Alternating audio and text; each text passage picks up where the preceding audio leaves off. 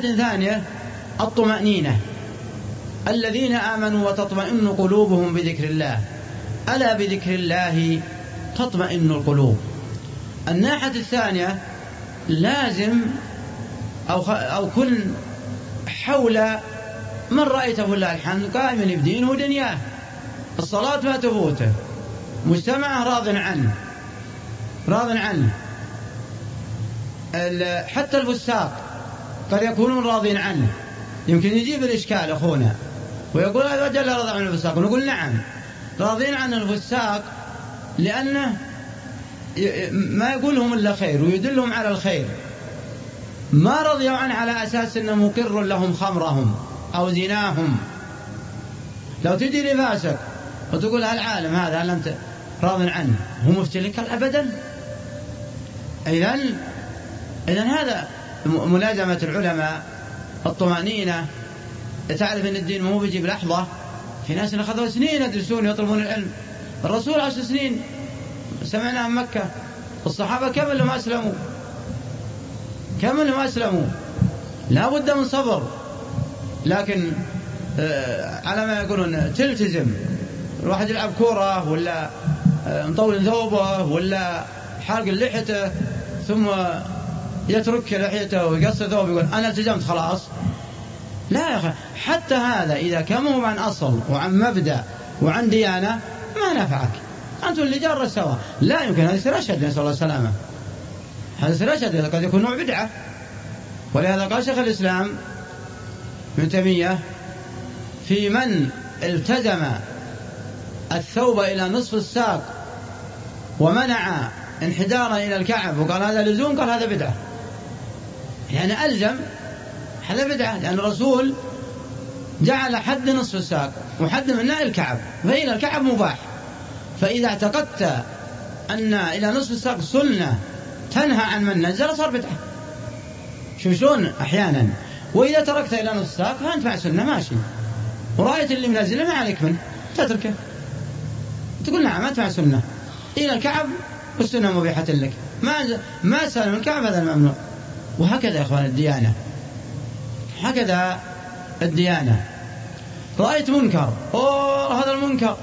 تصيح وتروح تركز على من فعله. تركز على من فعله. واشرك بمن فعله. أنت عليك بالمنكر نفسه. حاول نبه على منعه وحكمه اعرف حكمه. الذي فعله. إن قلت تغير عليه أن تقدر فذاك. وإلا تقدر بنفسك حاول مع من يقدر على تغيير الفرد. وبهذا ينتهي الإشكال. ولنا بالعلماء الأسوة. شو شلون در المفاسد.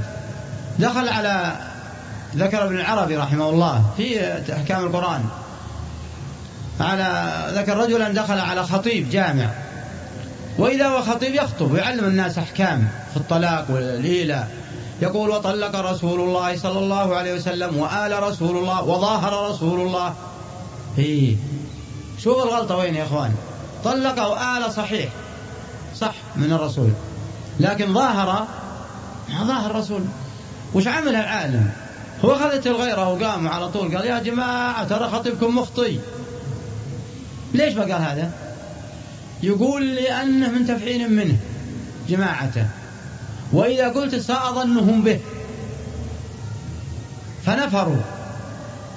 ماذا عمل؟ سكت عنه وراح المطوع كان من أول يتبعون المطوع ويسألونه عن مسائلهم العامة. رجعوا كلهم إلا هذا الغريب. ما يعرف هذا. قال له المطوع وش عندك أنت؟ ماذا عندك يا غريب؟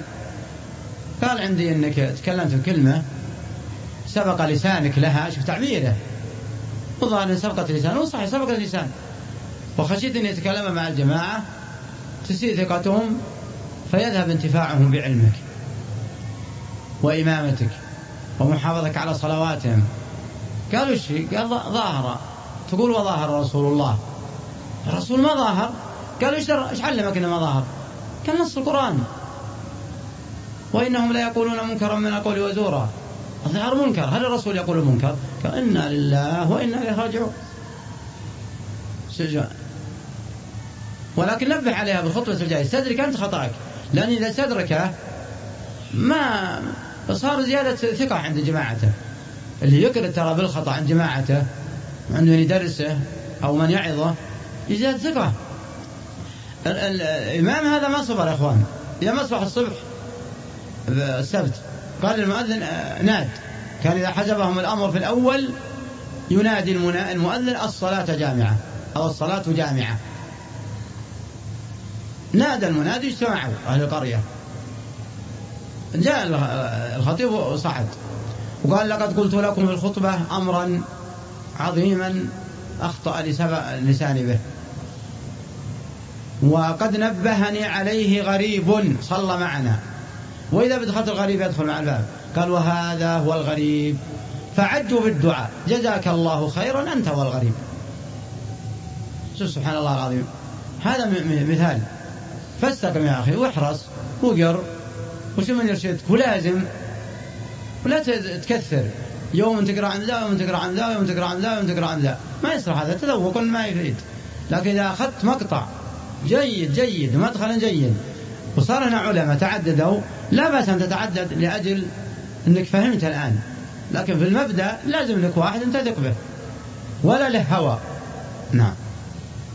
فضيلة الشيخ ما رأي فضيلتكم في الجماعات الإسلامية الموجودة في الساحة بذكر ما لها وما عليها؟ وبيان أقربها للحق. وفقكم الله وسددكم.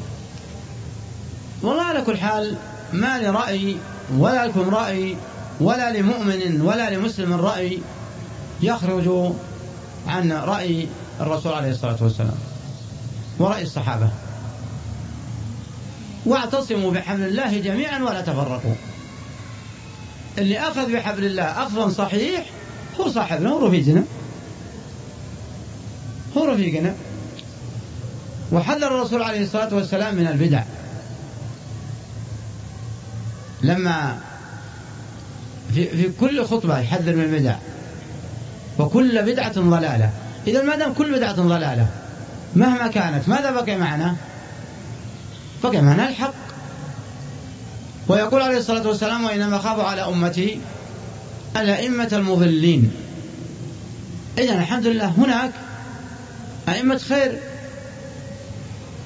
هناك أئمة خير. أمة يدعون الله ويعبدونه ويتلون القرآن حق تلاوته ويحبون خير المسلمين. فالطريق طريقهم. فمن كانت معه هذه الآية قل هذه سبيلي أدعو إلى الله على بصيرة أنا ومن اتبعني وسبحان الله وما أنا من المشركين فهو الذي كن معه. هذه سبيلي هذه طريقة الرسول عليه الصلاة والسلام. طيب أدعو إلى الله في التنبيه على أن الدعوة الحقيقية إلى الله.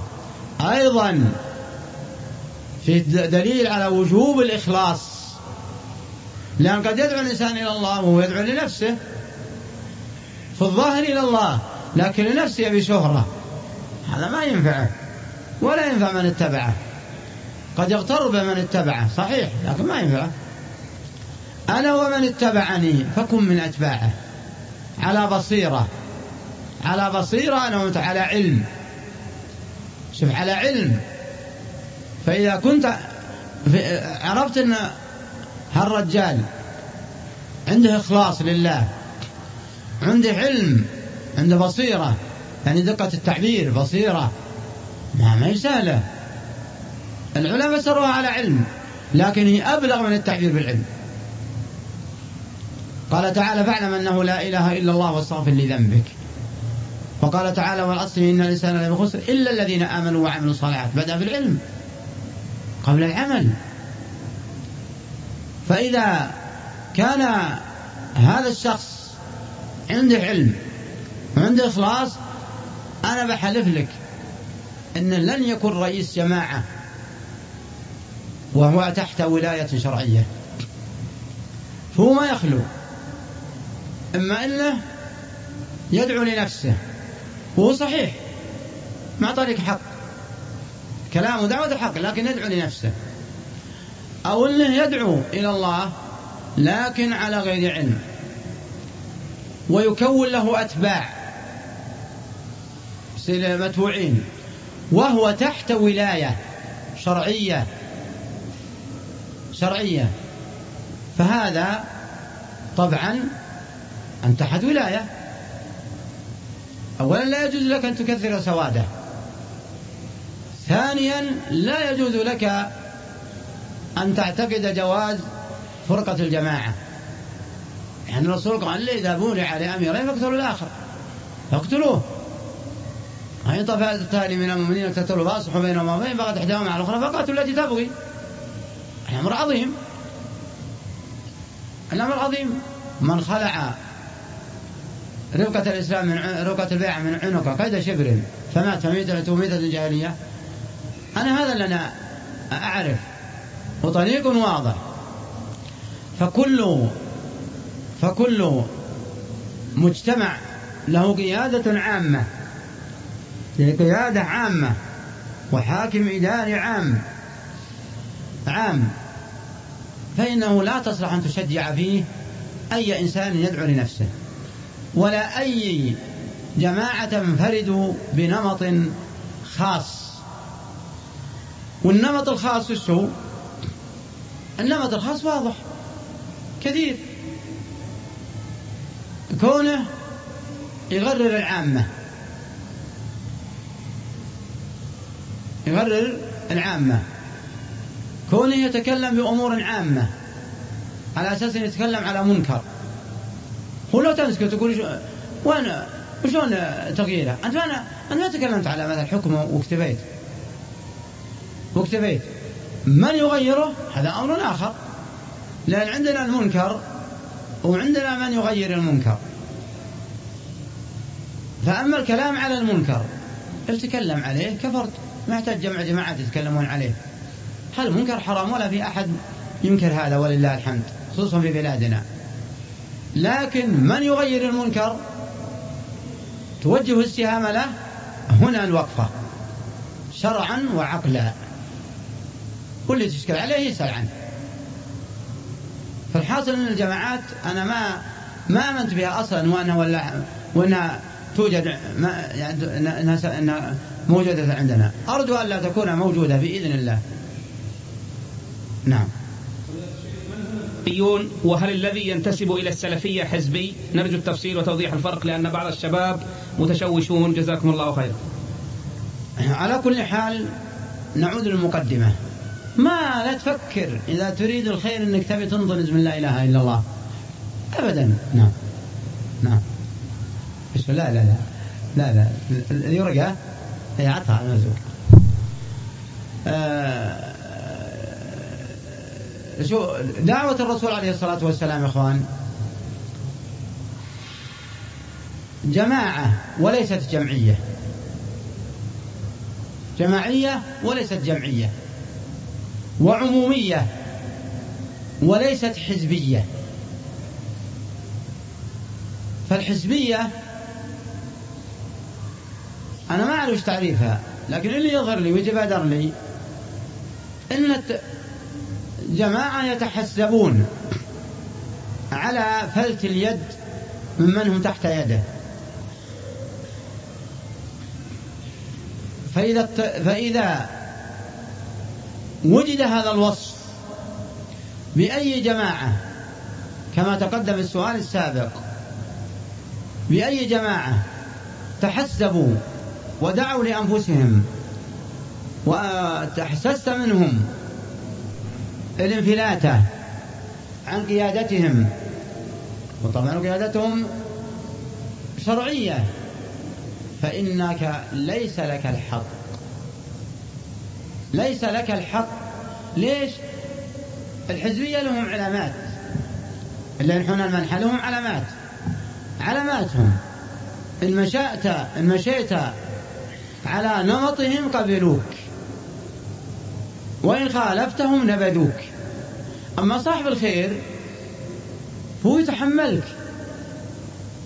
إن قبلت اليوم ورحت باتر ما دورك. وإن جيت بعدين قال أهلا وسهلا ومرحبا. هذا طلبك علامة اللي يبي لك الخير. ما دورك. وإن غلط قومك وبين غلطك. هذه اللي عما سمعنا وما قرأنا في في الحزبيات السابقة من القرون السابقة المعتزلة والخوارج وكل والأشاعرة والكلابية كل الفرق السابقة. هذه علاماتهم. فإذا وجدت هذه العلامة يعني آه، وجدت علامة أن يدعو على نمط خاص و وأشخاص خاصين وأوصاف خاصة تربية تنشئة تنشئة. إذا جاهم اللي ما أخطوا الشيب أو لا أو بعد بالغ ما صلح ما حصل يمسكونه من الصغر من أساس من أساس. وصار نمطهم النمط الذي وصفته. هذا أهرب منهم. خلك مع أبيك وميمك في بيتك. روح ادرس مدرسك وارجع وضع يدك في يد أبيك وأمك. وسل دروس وقل الحمد لله اللي يسر لي مدرسة تدرسني. ويسر لي والدي يوقظوني للصلاة. وصلي معهم وأكل معهم وخدمهم أبدا. في الحاصل إن كانت الحزبية هذه أوصافها وهو اللي يعنينا الأوصاف. ما يعنينا الأشخاص. فالمسلم والمؤمن حقا يهرب خصوصا في بلادنا. ولله الحمد والمنة تحت قيادة. حتى القيادة حتى لو كان الواحد تحت قيادة كافرة وهو فرد فليس له الحق أن يعمل عملا يتسبب به على أشكاله من المسلمين. فيسلط الكفار عليه وهو ليس قادر. حتى لو كان افرض إنه بلد كفار. كفار. لكن ما وش إيش يستطيع؟ مثلا خلى بلد أوروبا بلد ألمانيا بلد أي بلد. وهو مسلم. يقول أنا بمشي وطعم كذا كذا. اخذ سكين يمشي يطعم نقول لا. أو يسوي دعاية عليهم نقول لا. اولا إنك ما دخلت إلا معاهدة. والمعاهدة يجب وفاؤها. فلا لك حق تنقض العهد. بأي شيء. ثاني شيء ما لك حق تتسبب في لفتة نظر على أن كل المسلمين يسوون سواتك حتى فما بالك باللي تحت قيادة مسلمة؟ وولاية مسلمة. مقامته فيها شعائر الإسلام مقام فيها شعائر التوحيد. توحيد العبادة. توحيد العبادة. مو توحيد ال... مو توحيد الخالق فقط الربوبية. وله توحيد آه اعتقاد وجوب. الأمر بالمعروف والنهي عن المنكر. لأن وش مقتضى توحيد الخالق فقط؟ توحيد الخالق مقتضاه يا إخوان. آه، ترقيق القلوب بقدرة الله. بقدرة الله. لكن عبادته وين هي وطاعته. وطاعة نبيه. يقولون لو أن سلكنا طاعته وطاعة نبيه وقررناها انفروا منا الناس. فأخذوا وبعض المتعلمين في وقتنا ما عرفوا أن المبدأ قديم. التركيز على توحيد الربوبية يا أخوان مبدأ قديم. هذا مبدأ علماء الكلام. مبدأ المعتزلة مبدأ الجهمية. لا حتى الجهمية ما يقرون بعد الخالق هذا مبدأهم اللي توحيد توحيد الربوبية. بس فإذا صارت الحزبيات من هذا النوع فاهرب بدينك واهرب آه، بذمتك هذا لا نعرف هذه الأوصاف. يعني بعض منها ولا كثير الأوصاف. نعم.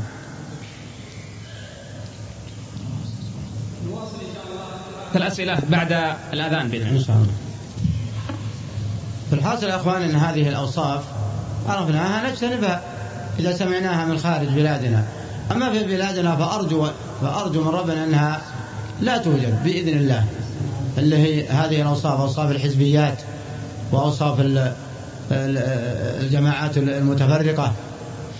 هذا نرجو أن الله يرفعها عنا وإن كان قد يغتر بعض أفراد بعض أفراد بهذه الأوصاف وينادي بها أو ينعق بها أو يتصل بها لكن ولله الحمد حينما ينبه أو ينتبه يتراجع. هذه والله الحمد أكبر أكبر نعمة. نعم. فضيلة الشيخ ما هي الطريقة المثلى للتحذير من المبتدعة وممن اشتهروا بسب صحابة رسول الله صلى الله عليه وسلم سيما إذا كان لهم شوكة وكانوا أصحاب نفوذ؟ آه، الطريقة المثلى رسمها لنا رسول الله صلى الله عليه وسلم ورسمها الصحابة والدعاة وهو أن تأتي بنفس السب الذي سب به الصحابة أو سب به الدين أو سب به المسلمين ثم تصوره وتوضحه ثم تحذر منه. ثم تحذر منه. هذه الطريقة المثلى. هي طريقة القرآن. اسمعوا قوله تعالى والذين اتخذوا مسجدا ضرارا وكفرا وتفريقا بين المؤمنين وإصادا لمن حارب الله ورسوله. ولا يحلفن إن أردنا إلا الحسنى والله يشهد إنهم لكاذبون. لا تقم فيه أبدا. لمسجد نصف على التقوى من أول يوم. طبعا المسجد الذي على التقوى من أول يوم هذا المسجد مسجد قباء. طيب هذه أوصافهم. ما كانت هذه أوصافه هو مقبول عند من في قلبه مثقال ذرة من إيمان. يقول واحد منكم إنه مقبول. ابدا ليس مقبول.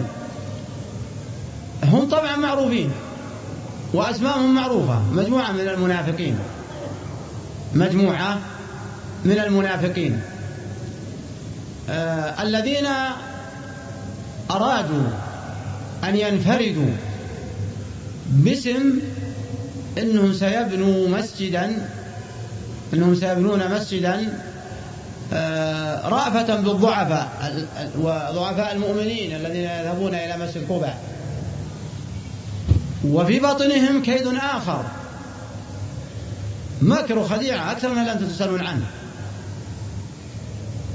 أسسوه على ملح. يريدون يدعون الرسول يصلي به ثم يفجرون عليه ثم يسقط عليه. طيب تبعد هذا الكيد. جاءوا للرسول على وقت هيئة لتبوك فقال إذا رجعنا من تبوك. عليه الصلاة والسلام ظهر خير هنا مسجد. شوفوا شلون. يا أخوان دعاة الضلال. يشتون بس شيء بس دين. لكن المؤمن يصير حذر. المتعلم يتقي الله في علمه. والعامي الواجب عليه شوف الراكدين اللي ماشيين. اللي ما عذر عليهم شيء. مصيبة المجتمعات الإسلامية أنهم ضعف الإيمان وأصبحت رؤوسهم مثل المروحة القعادية. يلعب الكهرب. من صوت الفتولة. الحس ما تروح علينا القصة هذه اللي هي جواب للسؤال. لما جاء الرسول عليه الصلاة والسلام من المدينة نزل عليه جبريل قال لا تقرب المسجد ولا تجيه هذا مسجد في بلع. فأرسل له ناس من الصحابة وهدموه.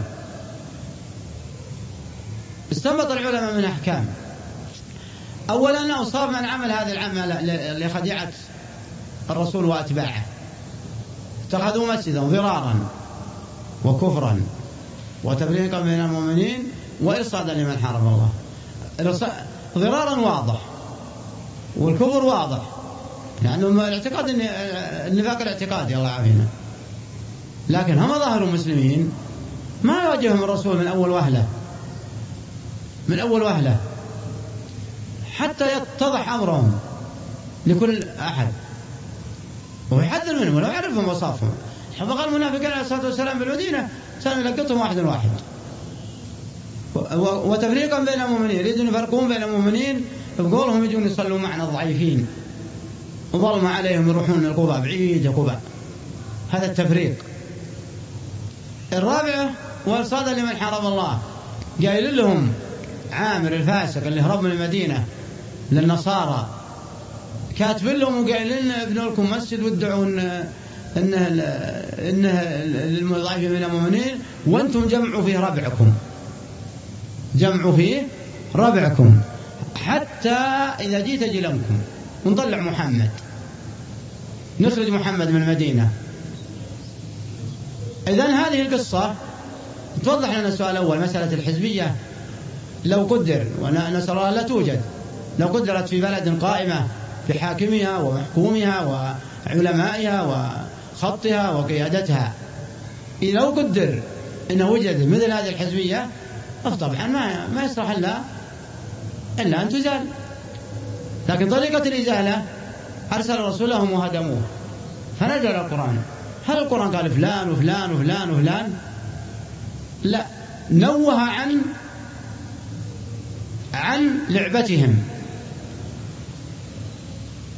وعن كفريتهم ومعصيتهم بهذه الأوصاف.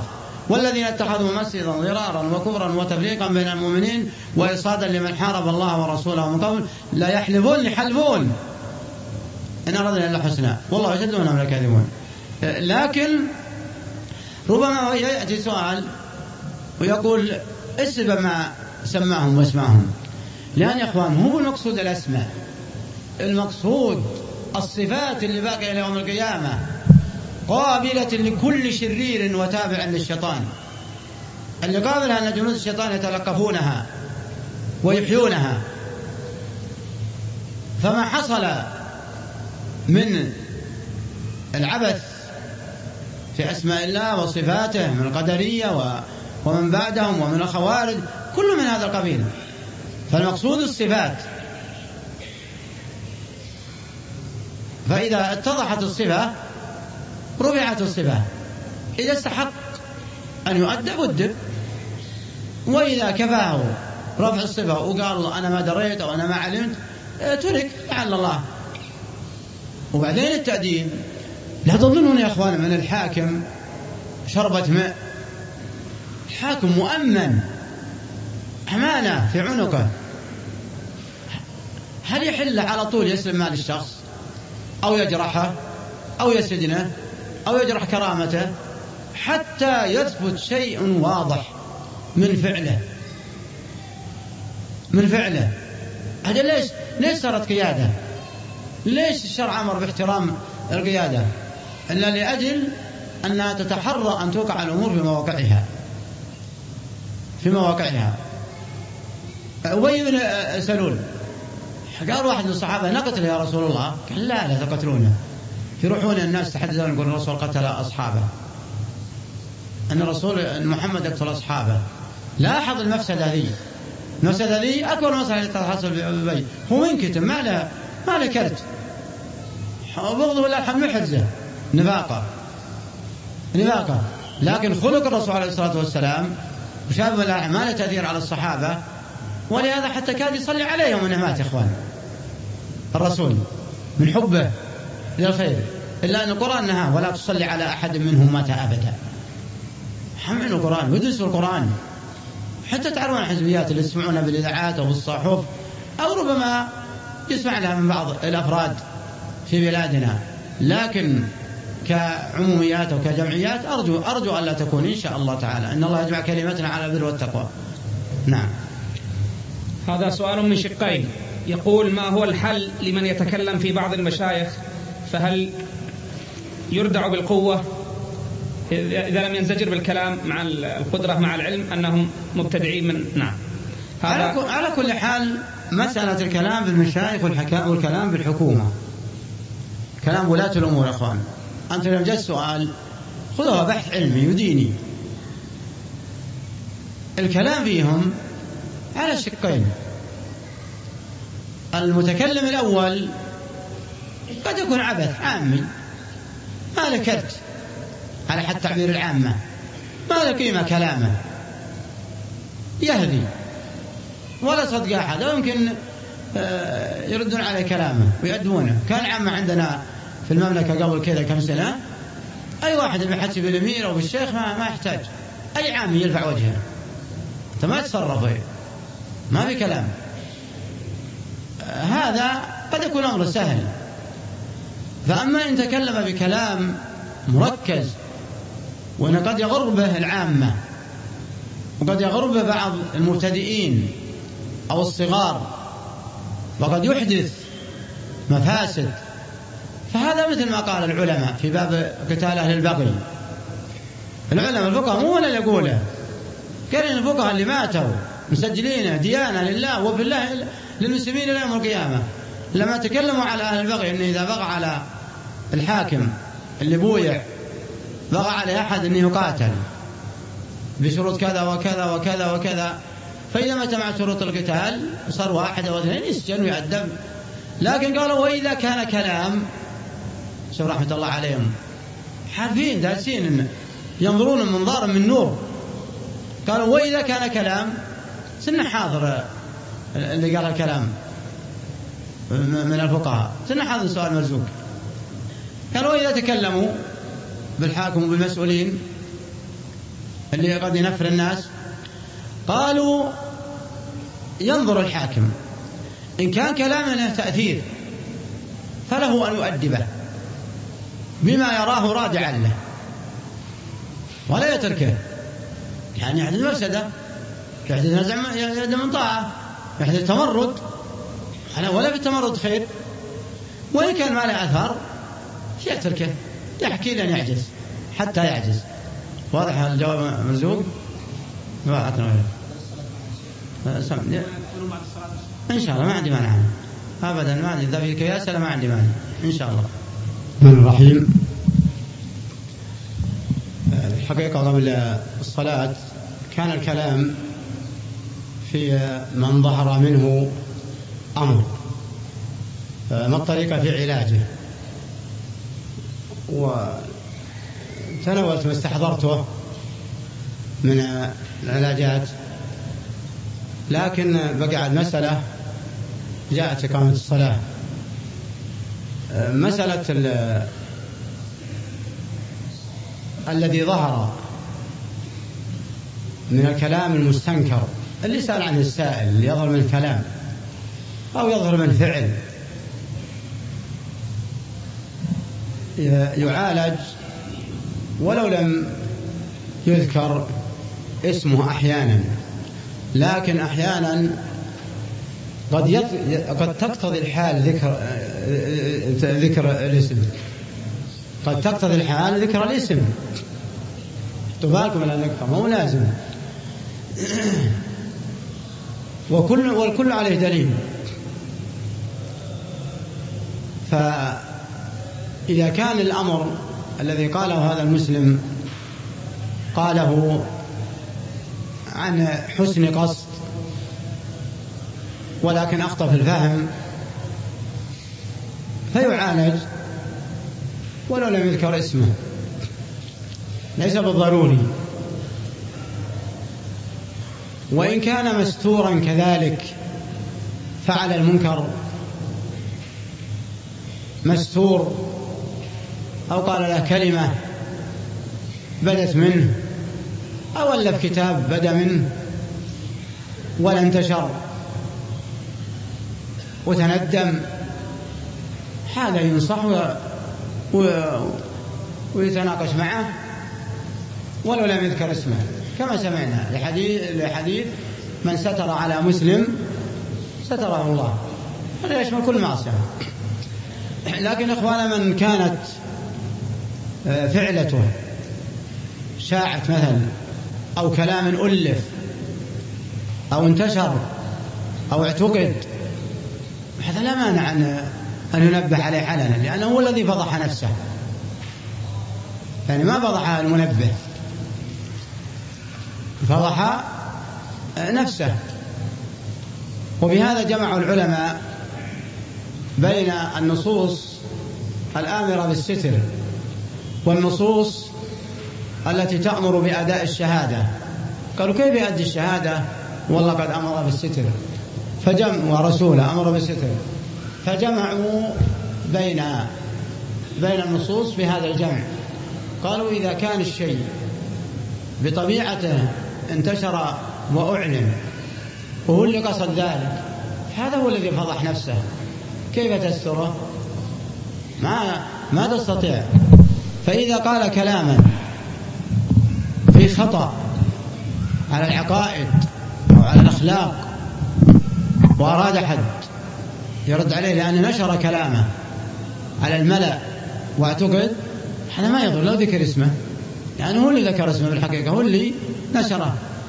إن كان هذا معتقده فيبين الحق له ولغيره إن أراده وإن لم يكن معتقده وقصد معنى آخر فيكون رد له.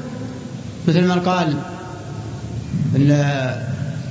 من عسف بعض النصوص لمبدأه أو قال إن نصوص الكتاب والسنة ما هي إلا نصوص جافة أو قال أن العقيدة عقيدة الحاكمية.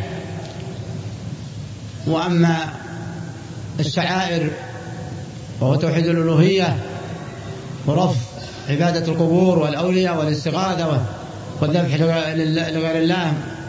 هذا ما هو ما يعتبره شرك لا. يتكلم عليه. لأنه مو لنشر كلامه. هو السبب. فلننتبه بمن بدر منه فعله أو قول أو مقالة أو مقالة كيف يعالج هل هو سر أو آه، علنا؟ نعم.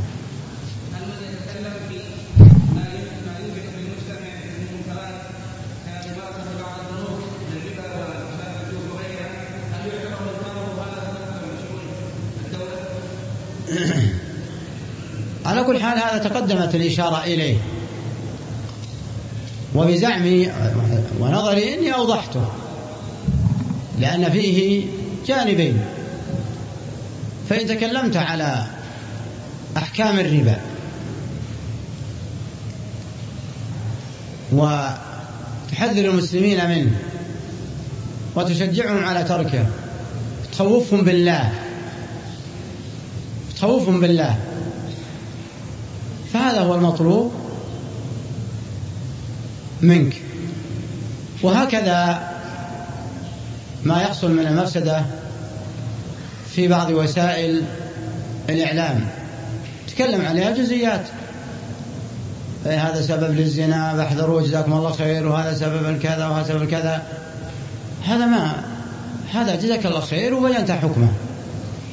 وإن أتيت به من الجانب الثاني وهو الإثارة إثارة الغافلين والعامة والمحبين بأن الحاكم أو العلماء غيروا.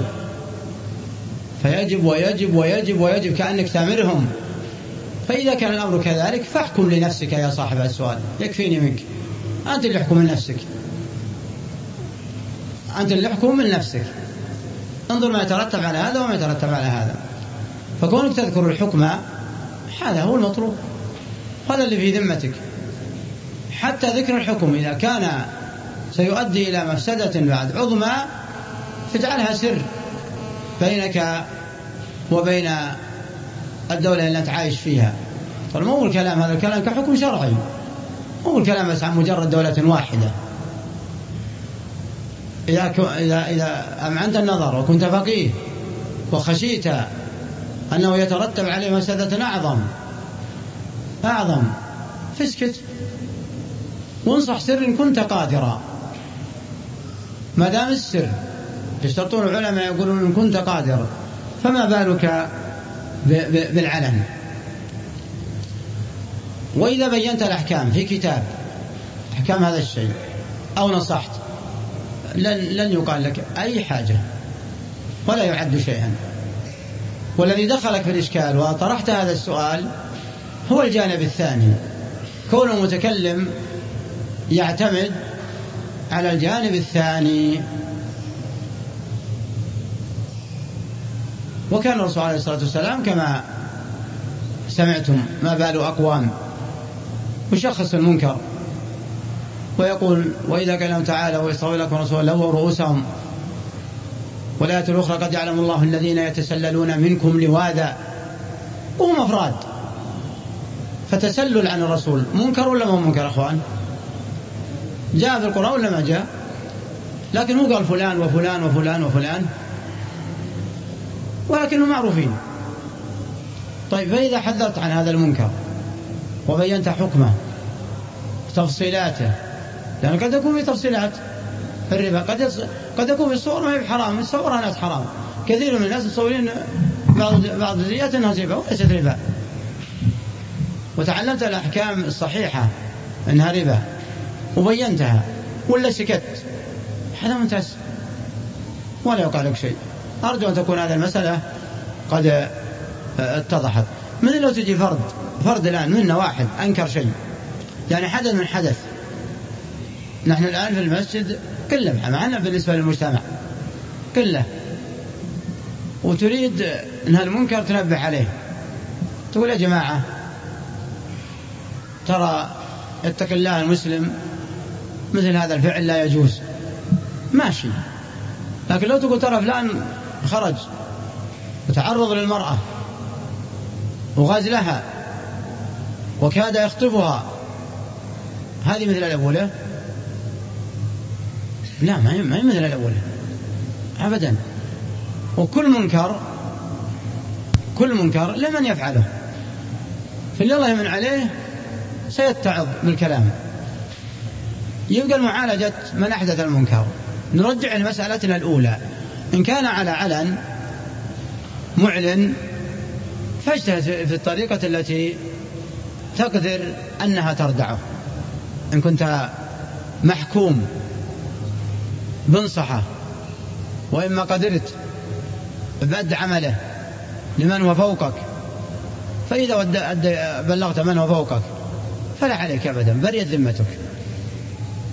بريت ذمتك. هذا إذا كان علن.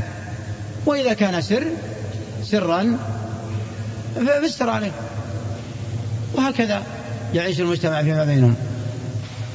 ولهذا جاءت أدت المسألة إلى إشاعة منكرات قد تكون أقل من الحجم الذي أشيعت فيه.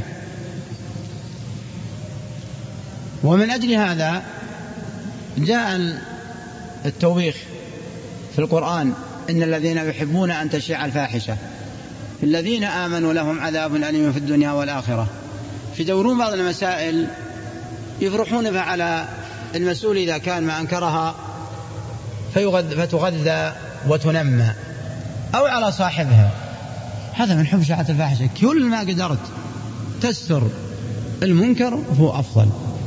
سواء في أنك تزيله أو تنصح صاحبه. وحتى النصيحة لها شروط يا إخوان. تظنون النصيحة أيضا كذا من أرادها. أولا تعرف ما نصحت به. عارف الحكم صحيح متضح لك. لكن ما تخطي أو تصوب بغلط. علم. أخي الكريم تابع ما تبقى من هذه المحاضرة في الشريط التالي.